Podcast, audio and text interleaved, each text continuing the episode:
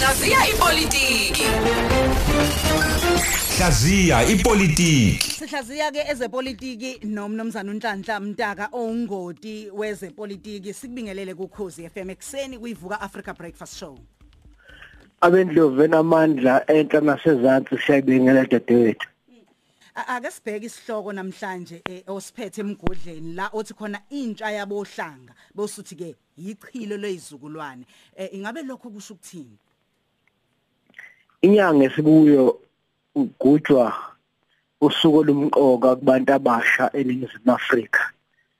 Nokwenza osopolitiki nohulumeni bakhulume ngabantu abasha ngeenkinga zabo naloku kufuneka kwenzeke ukuze sixazululeke umbono wami ke uthi ukuze ukwazi ukulungisa inkinga kufuneka dadewethu uqale uyiqonde ukuthi iqale kanjani.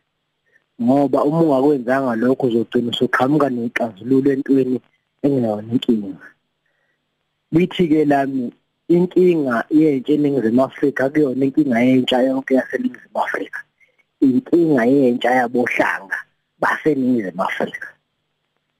Inkinga ayikho eChatsworth ayikho ebelungwini eh, ilapha ko Chesterville ko Lamonti ko Sikhawini konongoma kubo bonke abohlanga. Uma ngase uhulumeni aqale alungise lokho ukuthi ixazulu esiqhamuka nazo kufuneke ziqonde la kunenkinga khona. Inkinga ibhekene nentsha yabohlanga. Okwesibili inkinga lesinayo akuseyona inkinga yesizukulwane esithize kepha sekuthobelene izizukulwane ngisho ukuthini na? Ngisho ukuthi kunomuntu namhlanje ngokwenombolo eh nenqubo mgomo yaseningizimu Afrika okuthiwa uwumuntu omusha. Mhlawumbe uneminyaka ngithi nje u17 loyo muntu unenkinga yokuthi ngeke awuthole umsebenzi noma ngabe uyafunda uzoloku enenkinga ungawuthola umsebenzi. Kepha futhi loyo muntu uzalwa unina noma uyise uneminyaka mhlambe u35 noma usesigabeni sokuthi naye uyaphuma ekubeni yintsha. Ngamafuphi unabantu ababili emndenini oyodwa abayintsha abahlupheka ngendlela efanayo abanenkinga efanayo. Naye lo ozala lo ongena namhlanje ekubeni yintsha naye ubezalwa umuntu okade yintsha useze waphuma namhlanje kade ehlupheka. Yiyo ngithi kuchobelene izizukulwane uma ubheka ukuthi izizukulwane ka76 nesika 86 nesika 96 nesamanje kuchobelene inkinga enkulu. Emndenini owodwa uhulumeni uma engasathi nje ufuna ukubheka inkinga athe yentsha uzothola ukuthi kunabantu abahlanu okufuneke alungise udaba lwabo. Umbuzo kodadewethu uthi wenza njani uma uhulumeni ongenamali njengalo wethu ngoba kufuneka wamukele ukuthi one kunabantu ozokufuneka uhlale njalo ubalekelela. Njengohulumeni ubanika izibonelelo ezithize noma ngabe uyathanda noma uthandi okungenani iminyaka eyishumi noma ngamashumi amabili ngoba sebevese sebelimele. Futhi sekukhona isizukulwane ongeke usasilekelela ngisho ungaqhamuka nakuphi sekubhedile kuso. Kepha likhona ithuba lokuthi ubalekelele njengohulumeni. Okokuqala uhulumeni wethu wenza iphutha lokuthi uma ethatha umbuso wangaba yokubheka uma uthathe ngo1994 ngoApril 27 wangabisaba nenhlelo uma eqala iYouth Commission ngo1996 zokuthi ozalwe ngo1994 ozobe sekhulile mhlawumbe ngo2000 zithini inhlelo zokumlekelela? Ngoba izingane ezalwa manje nezizalwa emva kwethu zingena ogibeni olwakungene thina siseyintsha uhulumeni akaqhamukanga lezinto zokuphephisa izingane ngamafuku ufuna aqhamuke nenhlelo zokuqiniseka ukuthi ingane ezalwa namhlanje ayibi nenkinga efana nonina noyise. Okwesibili akashaya umthetho othi wonke umuntu onika isibonelelo uhulumeni eningizimu Afrika emva kwenyanga eziyisithupha uma engayanga ku-TVET College yangakubo bamthathe mahhala ku-TVET College.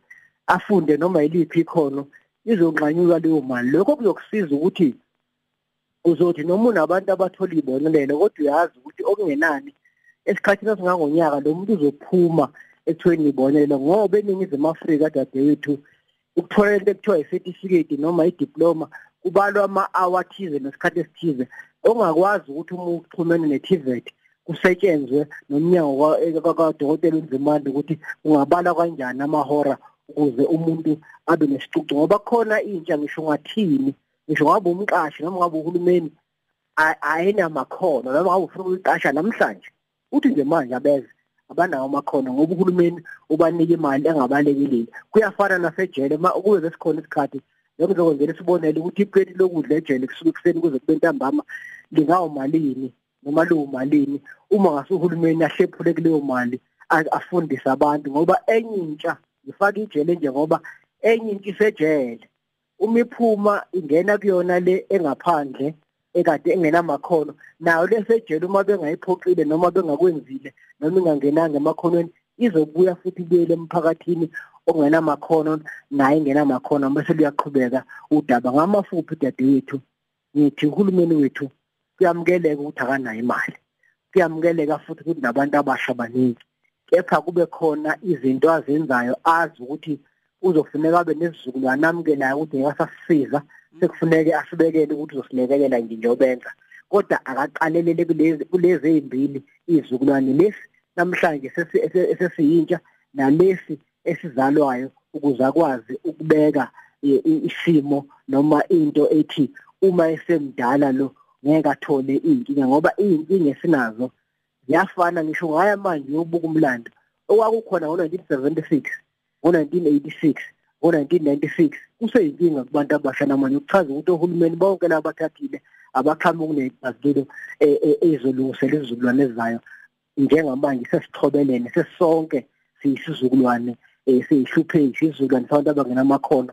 Sonke besingabantu abasha sonke sidlala abantu abasha sonke singabantu abasha endaweni eyodwa. Ngoti wezepolitiki baba Mtaka sibonga kakhulu eh, ngokuthi nje uzokhuluma kanye nathi ngalesikhathi. Siyazi ukuthi nabaholi basuke belalele futhi nangalesikhathi eh, nabo bethola becobelela ulwazi ukuthi ke mhlawumbe eh, bazosuka bayephi njengamanje njoba ke kunalenkinga kodwa nje usivula amehlo ukuthi ona 35 unengane no 17 kwayona izo basha bobabili laba bantu. Hey manje inkinga enkulu leyo. Cha siyabonga kakhulu.